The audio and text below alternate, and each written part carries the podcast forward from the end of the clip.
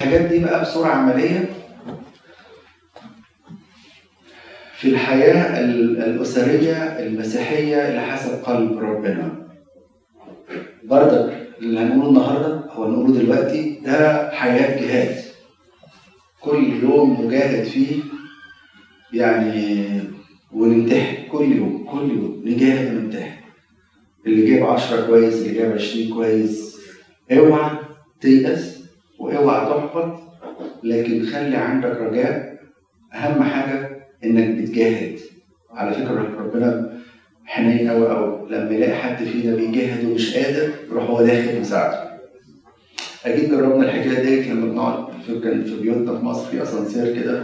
لما تركب الأسانسير وابنك عايز يدوس على ال... على الدور بتاعه مش عارف فبتعمل إيه أنت؟ تشيله تقول له دوس. فربنا لما يشوفك بتعمل اللي تقدر عليه بس مش قادر هو هيكمل. هو ده عمل نعمة وعمل ربنا معانا. علشان نبقى أسرة مسيحية حسب قلب ربنا أول حاجة مهمة جدا تعامل مع السيد المسيح في شخص شريك حياتك. أعتبر شخص شريك حياتك هو المسيح. شخصيا شخصيا يعني السيد المسيح هو اللي علمنا الكلام ده في مادة 25 لما قال الآية المشهورة ثم يقول الملك للذين عن يمينه تعالوا يا مبارك أبي رسوا الملكوت المعد لكم منذ تأسيس العالم لأني جعت فأطعمتموني عطشت فسقيتموني كنت غريب غريبا فأويتموني. عريانا فكسوتموني. مريضا فزرتموني. محبوسا فأتيتم إلي. فيجيبه الأبرار حينئذ قائلين يا رب متى رأيناك جائعا فأطعمناك أو عطش عطشانا فسقيناك. ومتى رأيناك غريبا فأويناك؟ أو عريانا فكسوناك. ومتى رأيناك مريضا أو محبوسا فأتينا إليك. فيجيب الملك ويقول لهم الحق قل لكم بما أنكم فعلتموه بأحد إخوتي هؤلاء الأصاغر فبي فعلتم. فأنت بتعامل شريك حياتك كأنه المسيح. حد يقول لي طب إزاي أرى السيد المسيح في شريك حياتي وهو مقصر في حقي بل وهو مقصر في حق الله نفسه؟ إزاي أرى فيه السيد المسيح وهو بيخالف وصايا المسيح؟ خلي بالك إن رؤيتك ومعاينتك للسيد المسيح في شخص شريك حياتك يتوقف لا يتوقف عليه هو ولا على طبيعته ولا على تصرفاته ولا حتى على علاقته بالسيد المسيح. لكن الأمر يتوقف عليك انت يتوقف على طبيعة علاقتك أنت بالسيد المسيح ويتوقف على نظرتك للأمور بسيطة كانت أو أم شريرة. أنت مش شريك حياتك. ومدى نقاوة قلبك أنت مش الطرف التاني؟ السيد المسيح بينادي كل واحد فينا النهارده من خلال شريك حياته. بيقول لك أنا هنا. أنت بتسيء الي أنا هنا وأنت مش شايفني. أنا معاك في البيت بس أنت مش شايفني. أنا هنا أطلب مساعدتك. أنت مش واخد بالك. عشان كده النهارده السيد المسيح موجود في شريك حياتك. بس خلي بالك اوعى تعامله زي ما تعامل اليهود مع السيد المسيح تعمل مؤامرات ضده وعايز تقتله وتتمنى إنه يموت تتمنى مش عارف إيه وحاجات كده غريبة. اوعى برضك تنظر لشكله مش للجوهر بتاعه. اوعى تنظر للخارج مش للداخل بتاعه. ما تشوفش الخطية اللي موجودة اللي خافية الصورة النقية اللي جوه قلبه لأن إبليس بيحاول يشوه كل طرف من الأطراف قدامك. فبص لشريك حياتك كأنه السيد المسيح. الحاجة التانية افتكر إن شريك حياتك هو رفيق حياتك. خلي بالكم الحياة تحتاج إلى رفيق. وده من أول ما ربنا خلق آدم. قال إيه؟ وقال الرب الإله ليس جيدا أن يكون آدم وحده. فأصنع له معين نظير. معينا نظير. عشان كده ربنا خلق حواء كرفيق حياة لآدم قبل ما تصير له زوج. صدقوني ياما شفت أزواج وزوجات حياتهم كلها خناقات وتعب وحاجات زي كده. وساعات بيكتشفوا الحقيقة ديت لما حد من طرف من الأطراف ينتقل. ونبتدي نشوف البكا والبتاع والندم. طب ليه؟ طب ليه؟ أو واحد مثلا ما كانش بيعيش مع مراته وسايبها طول النهار ومهملها وبتاع والكلام دوت أول ما تلاقي يقعد جنبيها في المستشفى. طب يعني طب وهي بصحتها كويس طبعا أيوه لو قاعد يعني كويس لو قاعد؟ طب ما هي بصحتها. ما تقعد معاها وهي بصحتها. فتذكر أن شريك حياتك هو رفيق حياتك. حتى الكتاب يقول لك اثنين خير من واحد. الاثنين خير من واحد. ليه نبقى قاعدين نار ونير؟ ما نبقاش نشد اذر بعض ليه؟ ليه واحد يقول بقى أنا هعاقبها. وهي تقول أنا هعاقبه أنا أشوف هعرف إزاي اذله سوري في التعبيرات اللي بقولها بس ساعات إبليس بيقعد يقولها لنا. ليه؟ ده رفيق حياتك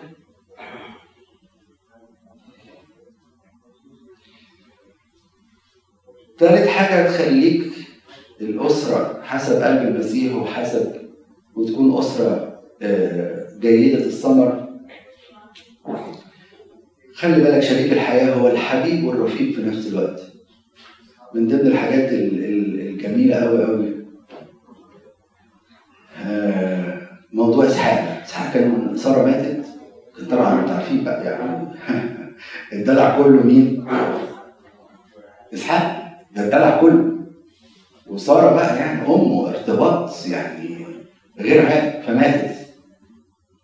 فراح ربنا بعت له مين بقى؟ رفقة. يقول الكتاب كده وخلي بالكم الكتاب بيذكر حاجات خلي بالكم منها. ما نعديش القصص ديت.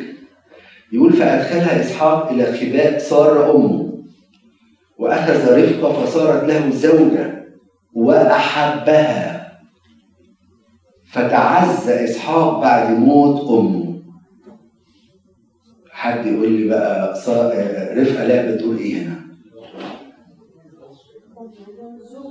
زوجة وأم وحبيبة. ورفيقة. كل ده. والعكس على فكرة. كتير من البنات عايزة زوجها يبقى زي أبوها حنين عليها وبيحبها. بس حاجة جميلة جدا إن الكتاب يظهر مشاعر مهمة مهمة. لازم كلنا نبقى عارفينها. زوجتك دي مش مجرد زوجة. ولا أم العيال ولا تجيبها مش عارف. لا دي حبيبة ورفيقة. مش منافسة ليه مش بتتنافسوا. لما واحد مثلا زوج ربنا يبعت لزوجته شغلانة حلوة ولا حاجة يقول لك الله دي مرتبة أعلى مني ويحس ده أنت تفرح لها. والعكس أنتوا مش منافسين مع بعض. فشوفوا العلاقة رفقة بإسحاق تخطت حدود تعبير زوجة حبيبة وكمان صديقة ومصدر لعذابه. مش مصدر لعذابه مصدر لعذابه.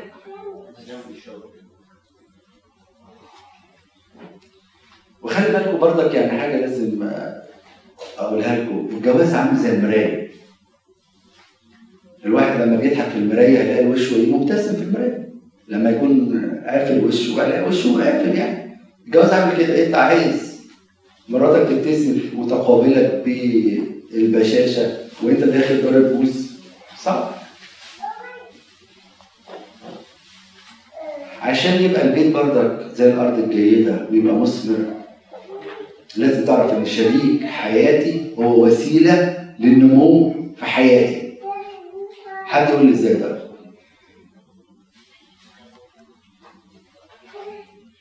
حد يقول لي إزاي؟ إزاي شريك الحياة بتاعك يبقى النمو بتاعك؟ النمو روحي أيوه. إزاي بقى؟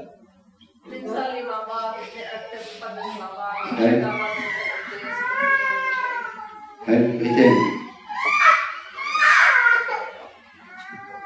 هتعلم الصبر إزاي؟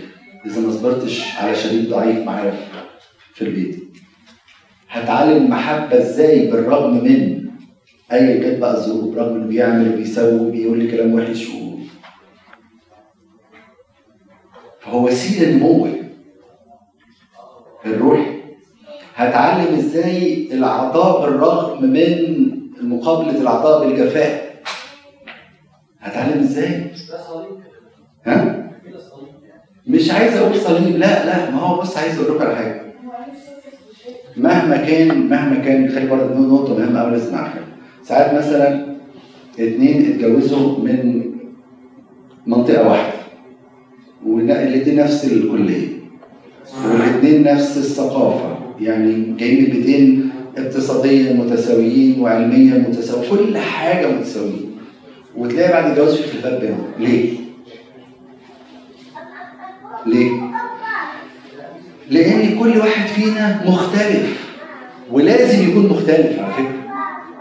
لو اتنين زي بعض هيتعبوا قوي على فكرة. لازم واحد مختلف عشان يكملوا بعض. يكملوا بعض. مش يتنافسوا مع بعض. فوس... شريك حياتي وسيلة للنمو من خلال العلاقات اللي بتتم كل يوم مع بعض والمواقف المختلفة دي وسيلة نمو زي ما قالت برضك إرمين لما نصلي مع بعض ونقرأ كلمة ربنا مع بعض يبقى في نمو روحي. وإحنا حقيقي فاقدين مسبح العالم. ونصيحتي لكل أو اللي هم اللي عندهم أولاد صغيرين حافظوا على المذبح إيه من دلوقتي عشان بعد شوية كل واحد يقول لك أنا بصلي لوحدي. ودي بقى my privacy وأنا بصلي مع ربنا لوحدي فلو سمحت سيبني لوحدي. وممكن ما يكونش بيصلي. فاللي هتعمله دلوقتي هيفضلوا طول عمرهم حتى لو كبروا. اللي هتعود عليه دلوقتي هيفضل معاهم. كمان علشان يبقى البيت حسب قلب ربنا شريك الحياة هو وسيلتي في تنفيذ وصية ربنا. بس ما حدش يجي يقول لي بقى أنا أحلى وصية هنفذها مع شريك حياتي أحبه أعدائها بلاش دي. يعني شوفوا حاجة تانية بس بلاش أحبه أعدائها كده. يعني يعني هنلاقي إنه شريك حياتي هيساعدني إن أنا أو- أنفذ الوصية آه، الإلهية. أنتوا عارفين في الدير هتقولي دول ما بيتجوزوش كده. لا بيخلوهم في الدير يتعاملوا مع الإخوة فترة. ما يجيش واحد متوحد. حتى المتوحد لازم يجي يتعلم يقعد مع الإخوة. ليه؟ الاحتكاكات دي بتبين مدى نموه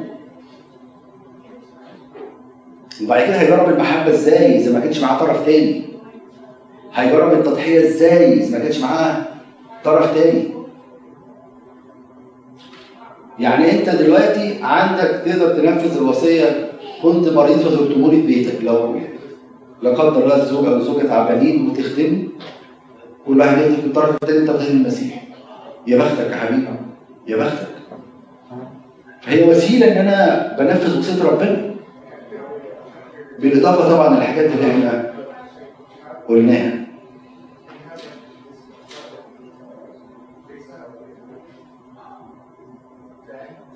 علشان برضك يبقى البيت بتاعنا حسب قلب ربنا ويبقى أرض جيدة دي نقطة بقى قوي شريك حياتي هو المراية بتاعتي. يمكن قلتها قبل كده في احد الاجتماعات إحنا كلنا أغلبنا بيلبس ماسك قدام الناس. كل الناس يقول لك يا سلام إيه الحلاوة دي؟ والانسان ده بسيط قوي والانسان ده حلو قوي ماسك. بس بنقلع الماسك إمتى؟ وإحنا بنحط المفاتيح كده بنعلقها نروح قالعين الماسك وإحنا داخلين البيت. بقيت بالوجه الطبيعي مع شريك حياتي. فيجي شريك حياتي يقول لك على فكرة الموضوع ده مش يعني انت غلطان فيه. ممكن ناس هتجاملك بره أو هيشوف الوجه اللي, اللي أنت لابسه بالماسك لكن شريك حياتك مش هيضحك عليك هيقول لك لا أنت النهارده الموقف ده ما كانش كويس. ما تزعلش منه. هو عشان بيحبك بيقول لك كده. فهو المراية بتاعتك. فممكن قدام الناس بنعمل صورة لكن قدام شريك الحياة صورة طبيعية وحقيقية. هو بيقول لي العيوب اللي جوايا مش عشان ينتقدني ولا ينتقص من قدري لكن علشان أتلاشى العيوب دي في المستقبل. يقول لي خلي بالك من الموضوع لأن هو عايزني ابقى أحسن. فلو جه زوجك قال لك بلاش كده هو خايف عليكي وهي لو قالت لك بلاش الموضوع ده بلاش الهزار الزايد ده بلاش الكلمة الزايدة دي اعرف إن زوجتك خايفه عليك. وعايزاك تبقى أحسن واحد في الدنيا. هي المراية بتاعتنا. شريك الحياة بردك هو خير معين على اكتشاف القدرات بتاعتك وإنك إزاي توظف القدرات دي. ودي حقيقة. من كتر القعدة مع بعض أنتوا الاثنين إذا كنتوا بتقعدوا يعني. الحياة دي يقول لك آه أنت ممكن على فكرة أنت ممكن تطور نفسك بدل الشغلانة دي تبقى في شغلانة ثانية أنا شايف إن لو ذاكرتي وخدت الشهادة دي تبقى أحسن. والعكس تبقى هي واقفة في ظهره لو هو بيذاكر وتشجعه وبرافو ويحسوا النجاح مشترك مش نجاح أنا لوحدي. فهتلاقي الطرف الطرف من الأطراف يشجع التاني ويخليه يساعده إنه يكتشف المواهب والقدرات اللي فيه. مش لما الاقي حد مننا بقى يقول لك إيه حد هينجح في حاجة لو زوج مثلا له لا لا ما تخليك انت هتدرسي ليه؟ قبل ما هو أنا مش مكفيكي كله تمام وكله حلو أو العكس تقول له انت هتدرس ليه تاني؟ يعني الدراسة دي هتعمل لك إيه؟ مع إن في أمريكا مثلا عندنا هنا بلد شهادات مش مصر على فكرة عندنا واكيد أنتوا عارفين يعني أكتر مني. فيبقى واحد محبط للتاني لا شجع شجع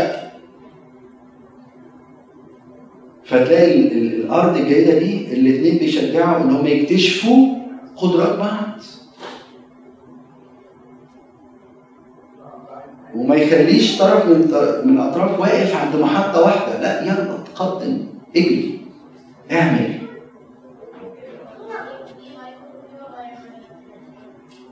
يعني أصعب الحاجات لما حد مثلا قاعد في أمريكا فترة كبيرة يروح يتجوز واحدة من مصر يروح جايبها قاعدة في البيت. لا تسوق عربية ولا تشتغل ولا تقابل مع حد ولا تعرف حد دي مصيبة. شفت حاجات زي كده كتير؟ شفت حاجات كتير. مصيبة. هو مبسوط؟ هي عارفة معاه حاجة إيه ولا ولا بتشتغل إيه؟ ولا تعمل مع المجتمع ده إزاي؟ ولا تنزل تدير مع المدرسين؟ ولا تعرف المدارس فين؟ ولا جايبها قاعدها في آه، في البيت وبس. ده خطر. خطر عليه هو قبل ما يبقى خطر عليها هي. لأن افرض حصل لك أنت حاجة.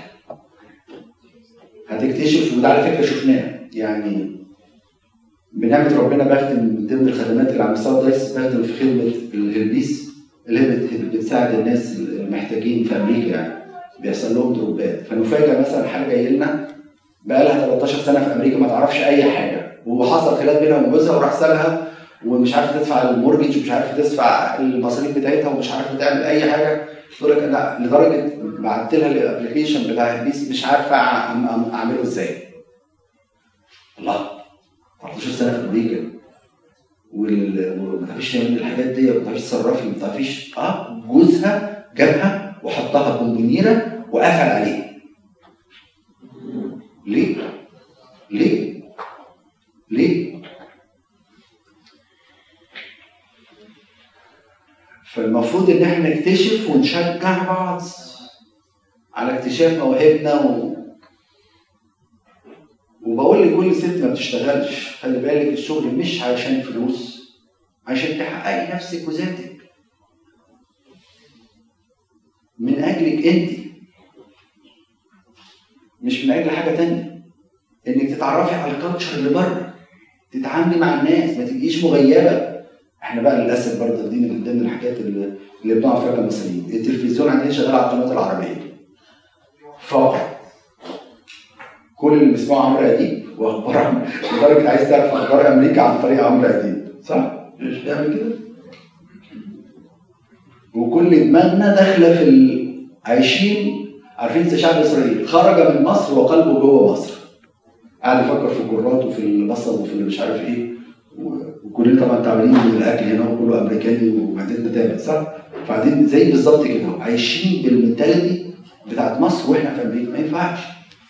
فالزوج والزوجة لازم يطلعوا يعرفوا يقتربوا من الناس ويفهموا ال culture لأن عيالك النهارده أو بكرة هيحتكوا بال culture دي. عيالك النهارده أو بكرة هيبقوا نفس ال mentality دي.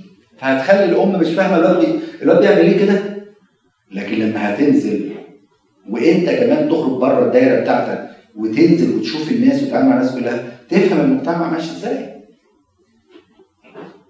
يعني أكيد أنتوا بتحتاجوا في اشغالكم وإحنا كمان يعني إحنا لما بنروح نعمل شوبينج ولا أي حاجة حد يجي يسألني مثلا اللبس بتاعك ده؟ إيه؟ طبعا لما حد كده بصطاد ما بسيبوش فبقابل ناس مرمون بقابل ناس مش عارف من إيه منين وأقعد أتكلم معاهم. تبقى فرصة إن أنا أكلمهم عن المسيح الحقيقي بدل اللي هم بيفكروا فيه. فبنقدر نتعرف على الكالتشر كان من ضمن الحاجات الفن اللي حصلت معايا لما جيت أمريكا أنا عايز أتعلم إنجليزي. وما بصدق أي شباب يكلموني إنجليزي. الاقي شباب يكلموني إيه؟ عربي. أقول لهم ليه يا عم؟ قال أنا عايز أزود اللغة بتاعت العربي. قلت له يا عم ابوس إيدك. أنا عايز أزود الإنجليزي بتاعي. مش أنت اللي تزود العربي. يعني حتى جوه الكنيسة الناس عايزة تتكلم برضك بنفس ال... وده خلي بالكم في gap حاصلة دلوقتي في الكنيسة. معرفش بكره هتبقى إيه. النهارده مثلا بدأوا فكرة ال English speaker church صح؟ وفي كذا ولاية من الولايات. ليه؟ لأن مثلا واحد راح يتجوز أمريكانية. مش هيجي يقعد معاك في ال basement أو يقعد معاك في في ال reception وقعد تتكلم على السيسي. أنت بتقتله. أنت بتقتله.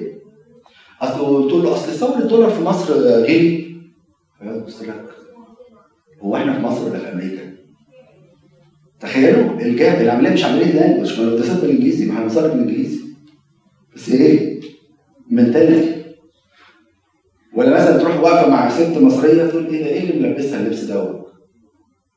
ولا إيه شعره عامله كده؟ ولا اللي ده عامل ده كده؟ ولا لا لا الناس دي بفكر في احترام للإنسان وهو حر يعمل اللي هو عايزه.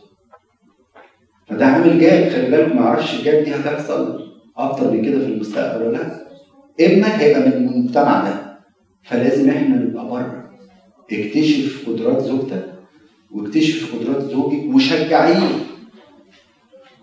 يعني أعرف ناس في مصر مش هنا كمان حتى كانوا الزوج هي... هيدرس وكده تقول له تدرس ليه؟ كل ده خايف إن هو هيبعد عنها أكتر يعني هيبقى مشغول عنها. يا بنتي شجعيه هيذاكر قدامك يعني مش هيسيبك. فشجعوا شجعوا بعض. خلي بالكم شريك حياتك أحسن واحد هيصلي من اجلك اللي مش بيصلي من أجل شريك حياته دي خطيه أنا بقول لكم اعترفوا بيها. اعترفوا بيها دي خطيه لازم تصلي من أجل شريك حياتك. مفيش مرة تقف قدام ربنا اللي بتصلي من أجله. مش تدعي عليه. يعني للأسف يعني يعني أشكر ربنا الواحد يتعامل مع مختلف المجتمعات سواء في مصر أو هنا. فالواحد بيشوف الحاجات دي وسامع الحاجات دي بودن. ناس بتدعي على بعض. لا صلي من أجل شريك حياتك. الأرض الجيدة والبيت اللي حسب قلب ربنا. كل واحد فيهم يصلي من أجل التاني. أنا عايز أقول لك حاجة اخطر يعني في وصية كله بولس يقولها لو انت بتزعل مراتك يعني يقول لك لئلا تعاق صلواتهم. يعني ممكن صلواتك تعاق بسبب انك بتزعلها. صلي الاجبيه كلها حبيبي. وصلي وتسال زي ما انت عايز. لو مزعل مراتك ولا هتطلع فوق ولا هتعدي السقف. ليه قال على الزوجة بالذات كده؟ ليه على الزوجة؟ لأن قال عنها إن انيه ضعيفة يا حبيبي. انيه ضعيفة. محتاجة تطبطب عليها مش محتاج إنك تزعلها فتخيلوا لئلا تعاق صلواتكم هل تصلي من أجل شريك حياتك ولا لأ؟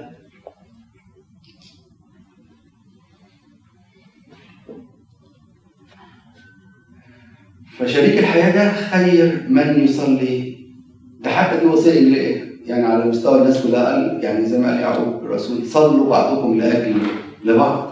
فكان بأولى بقى طبعا شريك الحياة الذي يصلي من أجل شريكة حياته. ده يقول بولس الرسول كده في أفسس خمسة كذلك يجب على الرجل على الرجال أن يحبوا نساءهم كأجسادهم. من يحب امرأته يحب نفسه.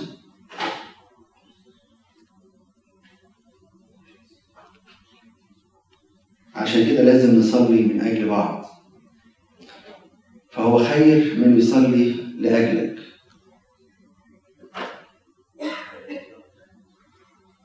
وانت بتبقى عارف ضعفاته وبتصلي من أجل الضعفات ديت مش تقعد تدينه بيها لا تصلي هو هو غضوب شوية.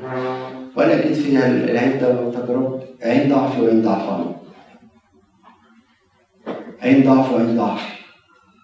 ويبقى دي الصلاة بتاعتنا من أجل شريك الحياة. ده يعني حاجة بسيطة قوي قوي في إزاي تبقى الأسرة بتاعتنا أسرة جيدة. زي ما قلنا النقط اللي فاتت دي. أنا مش عايز أكتر عليكم عشان أنتوا تعبانين. لو حد عنده سؤال يتفضل اتفضل اسأل يعني. ممكن الآية بتاعت إسحاق وسارة الآية بتاعت إسحاق وسارة آه سريع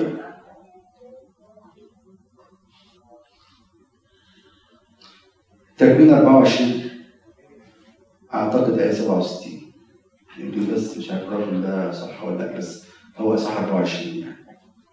الشاهد بتاع لأن تعاقصر ده بتاعت بولس الرسول لتلميذة تيموثاوس بس هجيبها لك. مش معايا دلوقتي.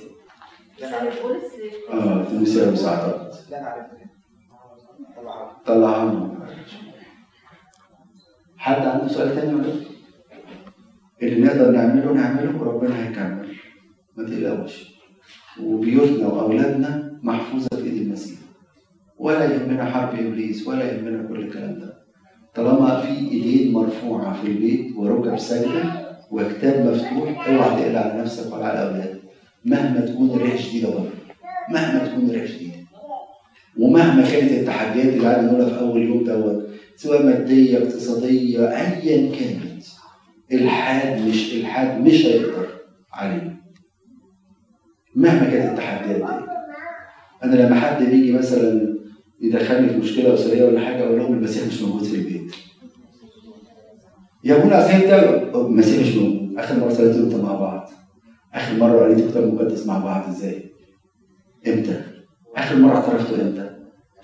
مرة زوج بيقول لي زوجتي بتروح الكنيسة بس عشان تتصور. مش من عندنا كان حد من الحد من الكليات التانية بتروح بس عشان تتصور مع البنات وتوريهم آخر فستان جابته ولا مش عارف إيه ولا لو مفيش علاقة حقيقية مع المسيح والبيت مش موجود فيه المسيح هيبقى فيه مشاكل. لكن طالما في ركب ساجده وايدين مرفوعة وكتاب مفتوح مهما كانت الريح شديده في إله عظيم يحارب عنكم وأنتم تصمتون. ولا تقلق على أولادك. ولا تقلق على أولادك. اسالوا مين؟ اسالوا مونيكا. دي حقيقة. دي ما جابتوش بس الكنيسة. ده خليته أسقف و- وأشهر كتاب المفسرين ده المقدس كمان. دموع وتوبة وصبر. فما تقلقوش. دخلوا المسيح البيت وسيبوا المسيح يتصرف ويشتغل. جبت مش كده؟ بطرس الأولى 3 7 بطرس؟ بطرس الأولى 3 7 بطرس الأولى 3 7 حد عنده حاجة تانية؟ ربنا يحافظ عليكم.